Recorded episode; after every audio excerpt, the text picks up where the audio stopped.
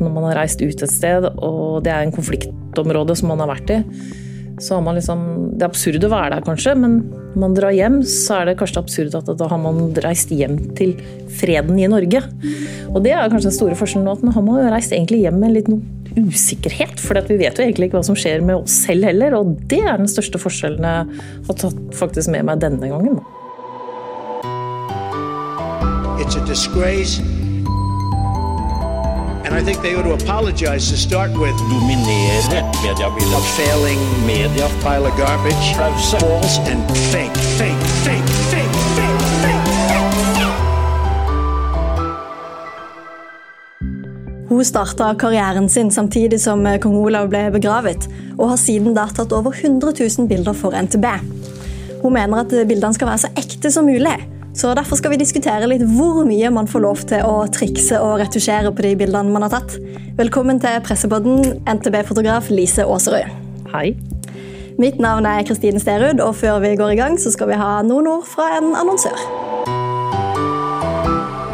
Ønsker du å annonsere i Pressepodden? Kontakt oss på annonse at medie24.no. Lise Aaserud, du har vært fotograf i over 30 år. Hva var det som gjorde at du ville starte med det? Nei, altså jeg hadde et lite prosjekt på skolen på videregående, og da mm, var det blomster som var veldig interessant for meg. Og tenkte at dette var jo også veldig spennende å ta bilder av. Så jeg begynte faktisk å ta bilder av blomster. Kråla rundt og tok bilder av masse, masse fine blomster. Og Sånn starta karrieren da med at det utvida seg litt, og så ble jeg lærervikar og tok bilde av barn. Og syntes egentlig at det å jobbe med mennesker var mer og mer spennende. Så til slutt så tenkte jeg at nei, skal jeg ta sjansen og søke på Norsk pressefotografskole, som lå i Fredrikstad den gangen. Og trodde jo aldri jeg skulle komme inn, men det gjorde jeg. Så jeg var en av tolv eh, lykkelige som eh, ble kalt inn, da. Fikk eh, lov å starte karrieren der. Og det var en kjempefin skole. Det var virkelig en sånn fin sånn dørstokkåpner. Eller døråpner blir det egentlig, da. Men vi hadde fine to år der. Som gjorde at når jeg da var ferdig, så visste jeg ikke helt hva jeg skulle bli. Jeg trodde jeg skulle bli ukebladfotograf, men eh, det ble jeg ikke. Og jeg skulle vel aldri dekke sport, for det hadde jeg ingen interesse av gjennom hele min barndom. Jeg hadde en ekstremt eh, fotball- og sportsinteressert far. og Han var jo i sjokk når jeg skulle dekke mitt første OL. og det, Da tenkte jeg at nei, dette var jo ganske artig. Å dekke sport? Ja, det er, det er, jo det vi gjør veldig mye i NTB. Så ja, jeg syns det er ganske artig å dekke sport. Ja. Ja. Det er faktisk noe liksom det ordentlig ekte vi har, da. Det er jo ikke noe pseudobegivenhet. ikke sant? Så det er jo det er liksom der og da, Hvis du ikke ja, får bilde av det målet, så kan du ikke be de ta det på nytt? Nei, det går ikke. Derfor er det veldig rart å se på som publikum.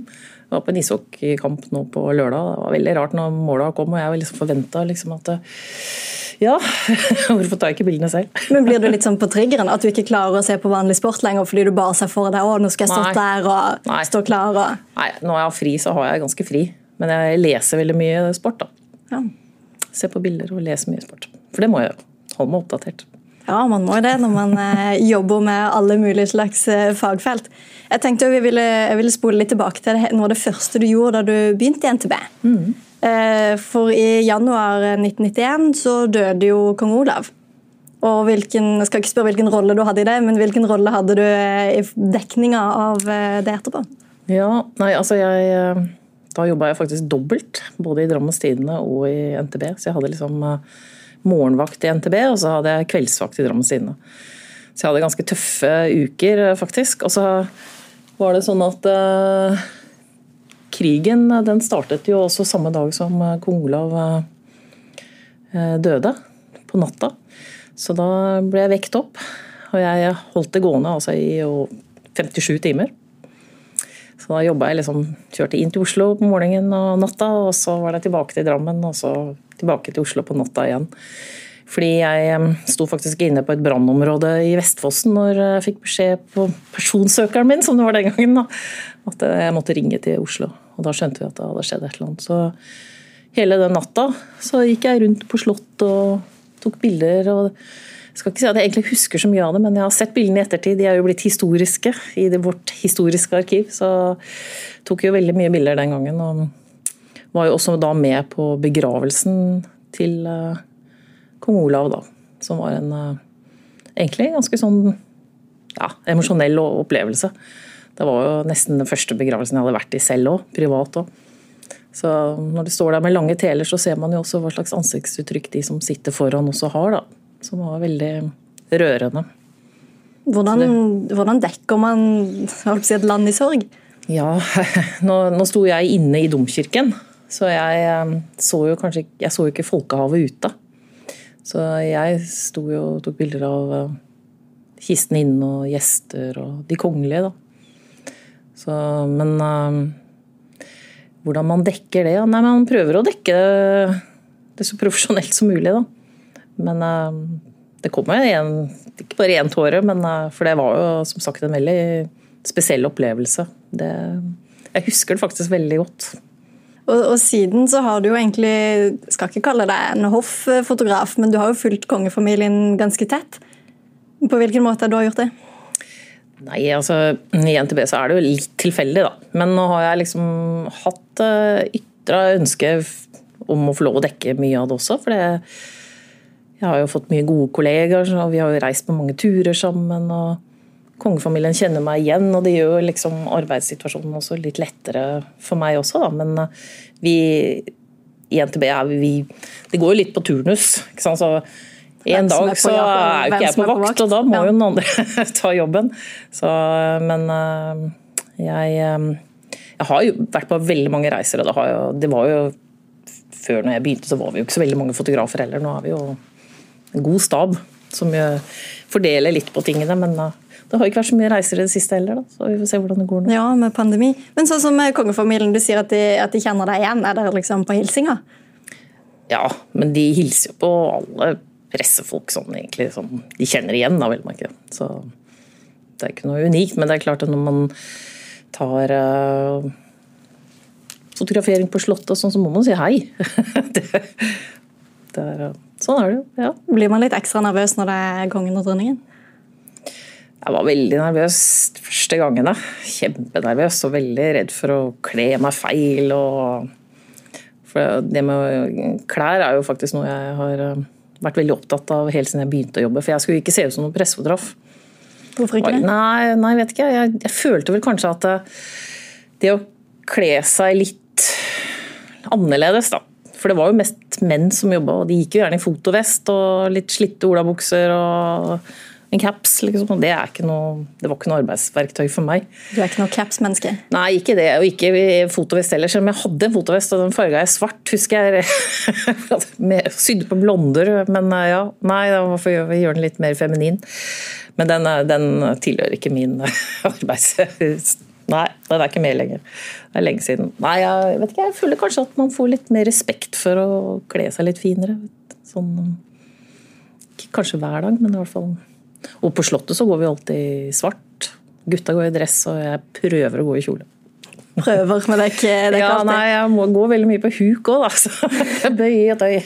Krabber rundt, holdt jeg på å si. Ja, jeg prøver ikke å krabbe så mye, men det skjer jo det òg. Ja.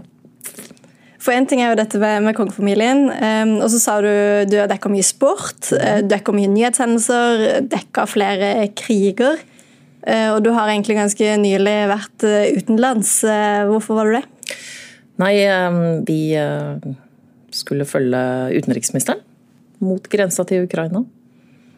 Det er jo eh, på en måte så Når du reiser fra Norge, så virker det jo litt mer skremmende enn det det er når du først kommer dit. Men jeg må jo si at når vi nærmer oss grensa eh, i denne landsbyen vi var, eller byen som heter Dorohusk, da, som ligger helt i grensa til Ukraina, så må jeg si at jeg følte at jeg var litt i verdensbildet.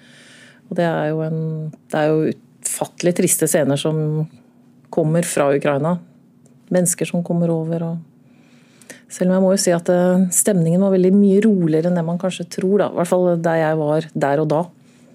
Fordi eh, jeg skulle jo ikke være noe lenge. Jeg skulle jo følge utenriksministeren. Det samme gjorde jeg jo da i forrige uke òg. Følge et spesifikt eh, event. Mm. Men åssen er det, uansett om det er kongefamilie, om det er mennesker på flukt, man trenger på en måte inn i noen andres sfære og ta bilde av dem når de kanskje ikke nødvendigvis vil ta, bli tatt bilde av. Hvordan forholder du deg til sånn type ting?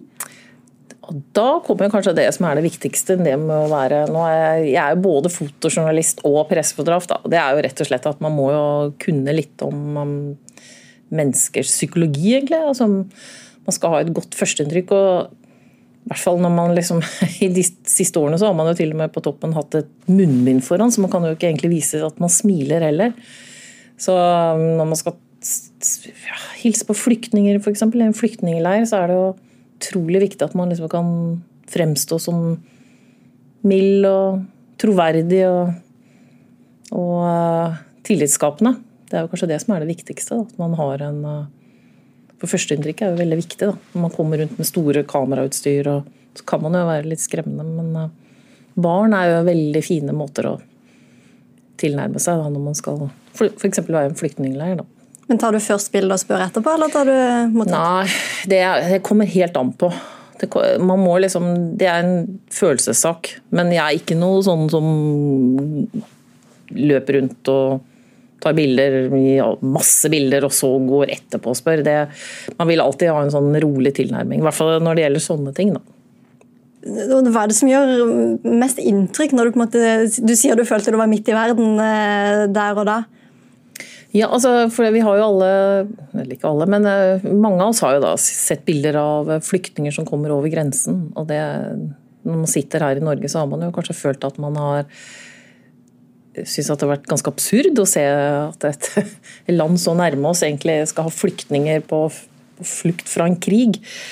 Så når man da selv står der og ser disse samme flyktningene kommer over, da, eller ikke de samme, men i hvert fall lignende tilfeller, så føler man jo egentlig at det er, det er jo ganske spesielt å stå der i nyhetene.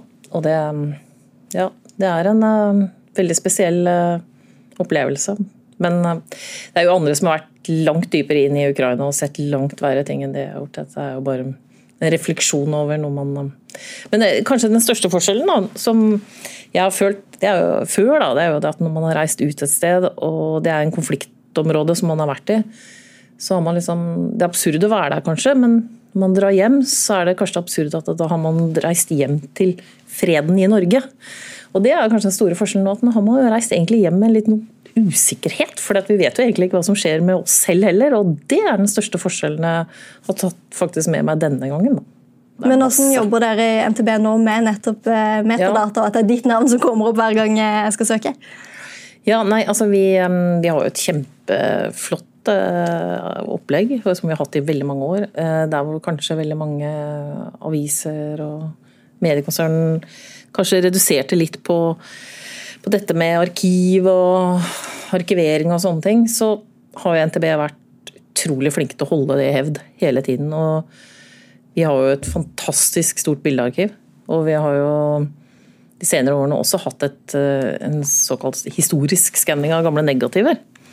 Og nå har vi fått et enda større tilfang av midler, så vi kan eh, faktisk ha fått et samarbeid nå som gjør at vi kan starte et enda større digitaliseringsprosjekt.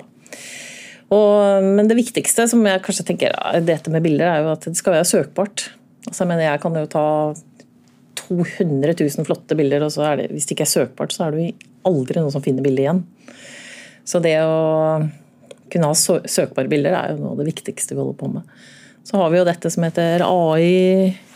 Og dette er jo da en eh, I basen vår så betyr det jo rett og slett at hvis jeg tar et bilde av Anniken Huitfeldt på reise, så med en gang bildet går inn i basen, så og Foreløpig så er det jo ikke med munnbind, foreløpig, men i hvert fall uten munnbind så er det en gjenkjennbar uh, uten at jeg har lagt til navnet hennes engang. Så det er en av de nye liksom, verktøyene at mm. programmet skjønner liksom, at dette er fjeset Anniken Huitfeldt? Dette er jo programmet må læres, da.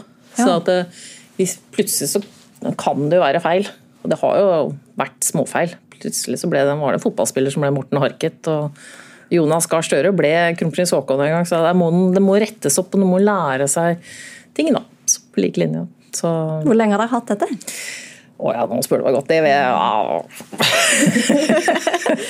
ja, jeg, jeg, har i hvert fall sett det i hvert fall ja, på mine bilder så har det jeg tipper åtte-ni måneder. Hvis jeg ikke tar helt feil nå. Det er liksom de, det er liksom de siste årene det er kommet? Det er ikke noe som har vært i 15 år? og sagt nei, jeg har fått nei, nei, nei, nei, nei. Men dette er jo som sagt noe som maskinen eller programmet må lære seg. Mm. Så, vi har jo, så har vi jo da muligheten til å eh, lagre bilder for andre òg. Så det er jo ikke bare oss. Vi har en mediebank. Før så het det jo noe så flott som eh, Bildehotell. vi, det var når vi var Scanpix, da det, kunne vi leie ut eh, plass. da. Så vi har jo alltid hatt et veldig fin bildemasse. Så Mediebanken, som har fått litt mer moderne navn, den, eh, den er åpen for veldig mange andre. Som kan også utnytte seg av dette med AI. da. Mm. Så det er spennende å se hvordan det blir når folk blir eldre, og hvordan de reagerer da. Hvordan skjønner eh, Jonas Gahr Støre om ti år, om man skjønner at det er samme person. Men det er jo dette med, for Du sier at du, du sender på en måte bare, Hvis du er ute på noe, så kan det være at du bare sender bildene inn automatisk i den basen. Men er det lov å gå tilbake og, og touche litt på lyset eller å redigere på det etterpå? Nå er jeg veldig sånn, sånn veldig basic. Jeg eh, prøver å tenke at eh, profesjonaliteten min ligger i å ta bildet.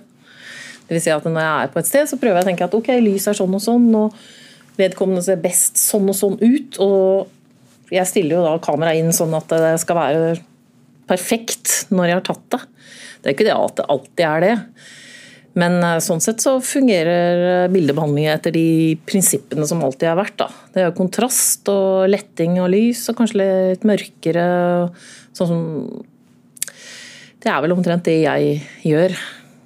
Det er liksom små, små grep jeg gjør. Jeg er kanskje en av de mest eh, konservative. Jeg eh, prøver å unngå å strekke strikken for langt, men jeg, er jo da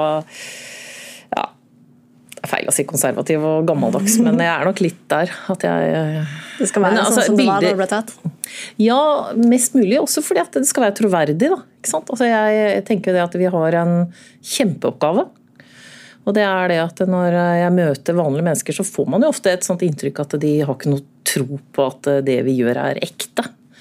Fordi de selv kanskje retusjerer bilder av seg og tar vekk noen stolper i bakgrunnen. Og, og det er ingen skal komme til meg og si at det bildet der, Lise, det er, har du juksa med. Det skjer ikke. Og det er liksom det som er uh, virkelig integriteten min. At jeg, alt jeg leverer skal være bra. Um, ja, korrekt. Er, altså, det er jo litt selvsagt, men jeg vil gjerne diskutere litt, diskuterer litt rundt det. Altså, hvor går på en måte grensene? Altså, man kan jo ikke ta bort en stolpe, eller man kan jo ikke fjerne et skilt. Men kan man, eh, fjerne en, kan man fjerne en kvise, liksom? Nei, ikke jeg. Det er eh, Nei, det kan jeg ikke. Jeg kan ikke fjerne kviser. Man kan eh, gå ned på farger, men det Nei, det Da må man sminkes, altså. Det nå er jo ikke sånn at vi NTB har liksom ikke med seg sminkeutstyr på jobb. Det kan hende jeg har tatt med noe pudder på noen steder, men det er liksom Nei, vi, altså Nei, jeg kan ikke det. Det skal være ekte. Hva blir konsekvensene hvis folk liksom Å, Lisa fjerna kvisa mi. Nei, altså Nå har det jo heldigvis vært sånn at folk har jo blitt veldig sånn observant på det. Dette med retten til eget bilde er jo et veldig sånn fasjonabelt uttrykk nå blant folk. så det er jo det at man kanskje i tilfeller Altså det er dette her med troverdigheten, da. Ikke sant. Det er jo Hvis du, Man ser jo om eh, veldig mange som eh, føler seg mis, misoppfatta og misfornøyd med bildene av seg selv, for man kjenner seg ikke selv igjen når man har blitt forandra. Men da snakker man kanskje om litt mer tøffere bildebehandlinger. At man får smalere ansikt og mindre nese og sånne ting.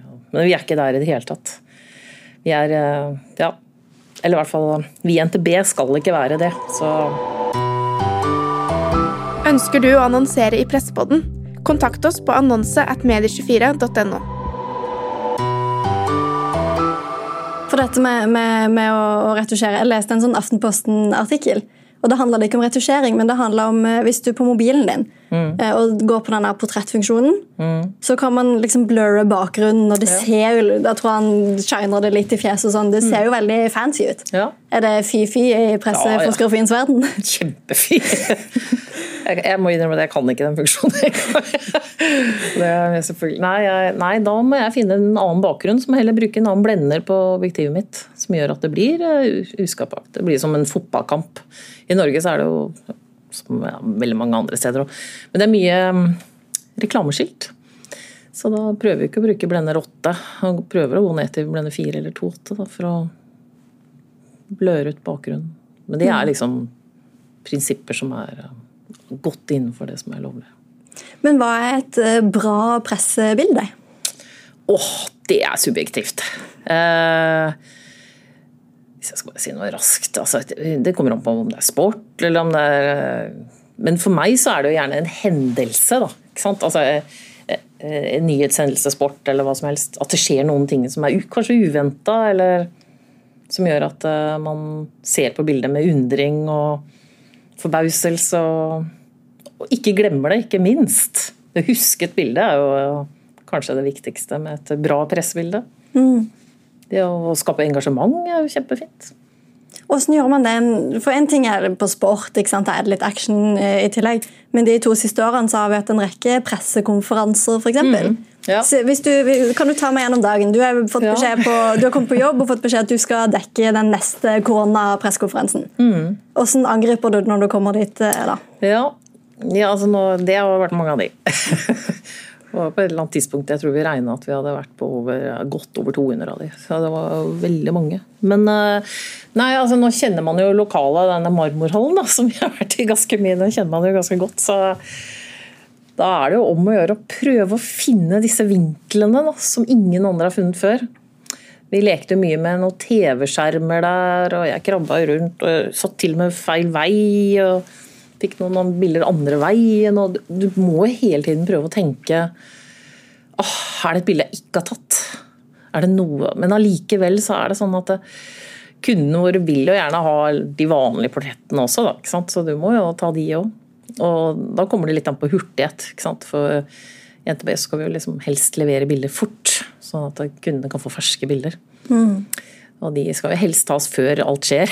så, så, det er jo liksom eh, Ja, nei, hurtighet er jo også blitt kvalitet, selv om vi fotografene syns det var litt vanskelig helt i begynnelsen av eh, ja, Hva var det som var vanskelig? Mm? Ja, hva var det som var vanskelig med det? Ja, fordi at det, på en fotballkamp så kan det hende at du satt og sendte et bilde istedenfor å se hva som skjedde på, på kampen. Det er jo vondt å gå glipp av gode bilder. Mål. Men i tillegg til å være fotojournalist, så har jo du etterutdanna deg i journalistikk. Ja. Hvorfor det? Nei, jeg tenker, altså jeg syns det er alltid gøy. Nå driver jeg på med noe helt nytt igjen. Her er det jo dronefotografering som også er en del av Nei, jeg syns det er viktig å holde seg oppdatert. Og så syns jeg det var utrolig morsomt å, å få lov å studere sammen med andre mennesker som jobber Mesteparten var jo journalister, da. Men fra hele landet. Ble kjent med journalister rundt omkring i hele Norge. Det var utrolig artig. og vi, Kjempefin gjeng var vi, og vi, vi lærte så mye av hverandre. og så får man respekt for yrket sitt. Det var det jeg kanskje fant ut at det var essensen, i hvert fall for meg. Da. At jeg fikk veldig sånn ja, Nei, jeg har en utrolig fin jobb. Og jeg setter utrolig pris på det å kunne faktisk prøve å formidle nyheter på en måte som er rett. Og, for det er så enormt tilfang av nyheter for alle mennesker i dag. Og det er kanskje ja, Noe er jo fake news òg. Og kanskje det i hvert fall Det er ikke sikkert at min virkelighetsoppfatning er den som kanskje mammaen min ville hatt som virkelighetsoppfatning, men jeg prøver nå kanskje å formidle det jeg tror er rett. Men selvfølgelig dette her med lover og sånne ting. Det å bli sikrere på lovverket. For vi har jo faktisk noen lover som eh, sikrer oss å kunne ta flere bilder enn det vi tror. Sånn som hva da? Hvilke lover er det de som sitter ja, og hører nei, altså, på, burde altså, vi, prøver å komme med noen gode eksempler, men, men dette er at vi liksom kan faktisk gå på gata og ta bilder av mennesker uten at vi liksom blir eh, tatt for det senere. Det har jo vært flere tilfeller hvor mange har forsøkt å ja, anmelde oss for eh, ikke, ikke, meg, da, men altså mm. generelt standen. da. Og, så det, det, handler litt om rettighetene man har? Ja, rettighetene syns jeg liksom, det er ganske viktig at man liksom blir um, Og dette er jo ting man hele tiden diskuterer hos oss, og sikkert i andre redaksjoner også. Hva er det som liksom er rett, og hva kan man gjøre, og hva kan man ikke gjøre. Det er en diskusjon vi har hele tiden. Og i hvert fall i dag hvor vi har dette med bilder som kommer fra Ukraina, om de er sanne eller ikke sanne. Og ja, Og det er, en konstant diskusjon. Liksom ja, Kan man stå og ta bilder av en flyplass, f.eks.? kan man ikke? Kan, kan, man det? kan man stå inne i hagen til uh, fru Hansen hvis det har skjedd et drap uh, på andre sida av hagen? Ja, kan, det kan man, man det? Ja, det kan man. Så liksom Men de må, ha, de må ha nyhetens interesse, da. ikke sant? Å være av nasjonal interesse er jo også enda bedre. Så det er klart det at allmenn nyhetsinteresse er ganske tungtveiende grunner for å kunne ta bilder. Har du, har du, møtt motstand? At du har stått i hagen til noen? Og... Nei, altså Jeg er jo ikke den som liker å stå i hagen til noen. Jeg, liker, jeg er ikke så veldig glad i rød løper heller, så jeg Nei, jeg, nei, jeg har ikke Da har det som regel vært at man går jo gjerne og spør, da, hvis man er et sted. Jeg liker jo å gå og være normal høflighet. Det kommer man veldig langt med. Det er, det er veldig viktig. Eh, og dette med si, normal høflighet eh, De som nå tenker at de har lyst til å, bli bedre på foto, mm. type lokalaviser som kanskje ikke har egne pressefotografer. Hvordan var dine beste tips til de når det gjelder å jobbe med sine egne fotobanker? da? Jeg tror at um, gode kurs er faktisk veldig viktig. Altså det å lære seg For man, man har jo dessverre vært kanskje på ulykker hvor man ser at vi som jobber mye med, med store hendelser og sånn, vi har litt annen tilnærming til kanskje bilulykker og andre typer ulykker enn en, en mennesker som ikke har den type erfaring bak seg. Vi nærmer oss kanskje på en annen måte, som kanskje er i noen øyne litt annerledes enn eh, hvis man bare går rett på. Da. Det er også atter en gang dette med å ja, en høflighet igjen, da, ikke sant? men litt mer enn det, selvfølgelig. Og så har du dette med å lære seg utstyret sitt, er jo ganske viktig. I dag så har man jo veldig, mange, veldig mye bra utstyr. altså Man må ikke nødvendigvis kjøpe noe dyrt utstyr heller. Men det er jo det å kjenne utstyret sitt og tenke lys, da. Det er jo lys vi lever av. Det å ta bilder og fotografere betyr jo Ja, det er jo jeg tenkte vi skulle begynne å runde litt av. Mm. Men er det noen eh, ting du brenner inne med, så du tenker at dette må vi få sagt til alle de fotospirene som eh, sitter der ute? Ja, altså jeg tenker at eh, For det første så er det jo kjempeviktig at det er litt flere jenter. Det er jo det er et tungt yrke, i hvert fall. Det er mye tungt utstyr fortsatt, og det, det vil nok fortsatt være også. I hvert fall hvis du skal dekke sport. Da er det veldig tungt. Men det er litt få jenter. Er, uh, og jeg tror jo det at eh, Heldigvis så har man jo sett en sånn litt bedring av økonomien hos enkelte. Og dette med å satse litt mer på fotavdelinger igjen. For det var jo en periode hvor fotavdelingene forsvant fullstendig. I mange, mange aviser. Og det Jeg tror liksom det at det å ha flere bein å stå på er jo også fryktelig viktig. Altså vi, vi er jo eh, ikke bare fotojournalister eller pressefotografer i NTB. Vi, vi liver jo også. Vi, vi driver jo mye med video. Så vi har jo ikke noen egen videoavdeling lenger. Den er borte. Nå må du gjøre alt. Nå er det vi. Nå har jeg eh, drevet med video siden jeg gikk på skolen, da, så det, liksom, det har jo holdt en sånn passelig hevd. Men eh, jeg er jo ingen videofotograf. Men live, det er vi jo nødt til å gjøre. Men stiller du spørsmål av deg da? Jeg kan stille spørsmål. Det er ikke noe Men det er klart at hvis det blir veldig sånne tøffe politiske spørsmål, så er det veldig hyggelig å ha en eh, god avdeling i NTB som kan komme med de smarteste spørsmåla. For det er jo helt umulig å være dyktig på alt. Altså det Jeg skal jo kunne ishockeyspillere Jeg skal til og med vite hvem som driver med Formel 1, og jeg skal jo tross alt vite hvem som politiske partier og aspekter av mennesker du skal kjenne og kunne navn på, og for ikke snakke om temaene. Det, men eh, ja, det er selvfølgelig det, det, å lese er viktig. Det å kunne bakgrunner og forstå samfunnet, det tror jeg er noe av det viktigste jeg tror kan ta med meg som en erfaring som er veldig viktig når man skal begynne å studere dette yrket. Lese masse. Forstå hvem som er hvem, hva du tar bilde av? Ja, ikke bare det, men også historien også. Hvorfor er, liksom, er vi der vi er? Det er liksom, ja. Du sa jo dette med at du syns vi trenger flere jenter inn i dette ja, yrket. Jeg syns jo det. Hvorfor det? Nå har vi, nå har vi fått én jente til i NTB, som begynner nå snart. Det er veldig hyggelig. Så så er det ikke så mange av oss. Kan det hende vår avdeling det blir, det er, Nei, det er, jeg syns det at jenter ser ting på en annen måte. Altså, jeg, jeg har jo fulgt kongefamilie mange år, jeg syns jo detaljer er veldig gøy, da. Det er ikke alltid gutta syns at øredobber og vesker og sko har vært så spennende, men uh, venninnene mine syns det er kjempeartig. Det skal dokumenteres, det òg? Ja, ja. Det er jo helt klart det at uh, markedene er jo Altså, ja, vi er forskjellige. Så det, det, er ikke bare sport og politikk som kan uh, være bra for NTB. Det, Detaljene. Devil's in the details, er det ikke det? For Du prata litt om det at du egentlig var blant de få kvinnelige fotografene i starten. Hvordan var, hvordan var det da kontra nå? Ja, nei, altså Jeg var jo, syns jeg selv i ettertid, veldig heldig, da, som valgte litt jeg syns selv jeg valgte rett sted å begynne å jobbe. Altså, jeg har jo trivdes veldig godt. Altså, det har vært en bedrift som har ikke sett noen forskjell på om jeg hadde vært gutt eller jente. Og, mm, men uh, veldig mange av de jeg gikk på skole sammen med, de, de, de, har jo slutta.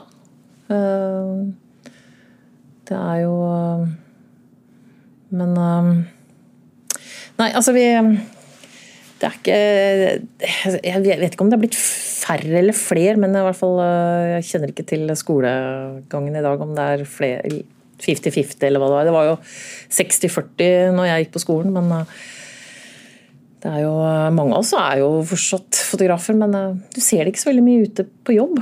Og det har jeg vel kanskje aldri gjort heller. Er jo, nå er det jo sånn at jeg har en litt annen rolle enn eh, Vi er jo gjerne på de jobbene som kanskje avisene selv ikke er på, fordi vi er der.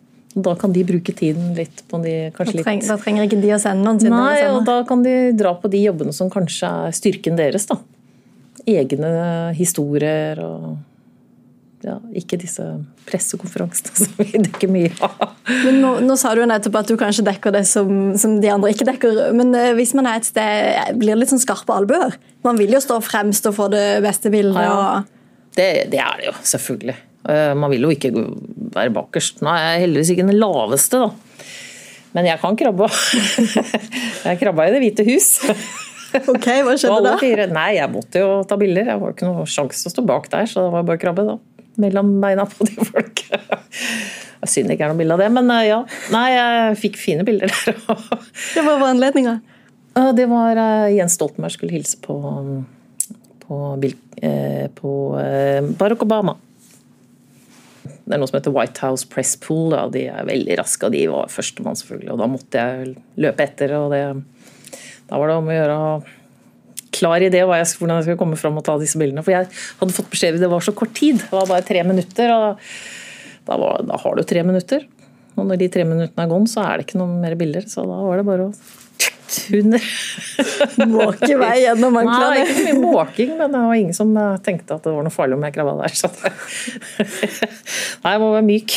Det er, og må være rask. Nei, altså det å være forutseende tror jeg er veldig viktig når det gjelder akkurat dette med å være først fremme og sånne ting. Og ja, det er noe skarpe albuer, men jeg vet ikke, det er uh, Jeg prøver å unngå det. det er, for det er ikke noe hyggelig. Det er aldri noe hyggelig å måtte sitte og dytte til mennesker. Det er jo det er mange hensyn å ta, i hvert fall. Men tusen takk for at du var gjest eh, her i Presspodden. Eh, mitt navn er Kristine Sterud. Ansvarlig redaktør i Medier24 er Erik Våtland, og teknisk ansvarlig var Sebastian Manrikes.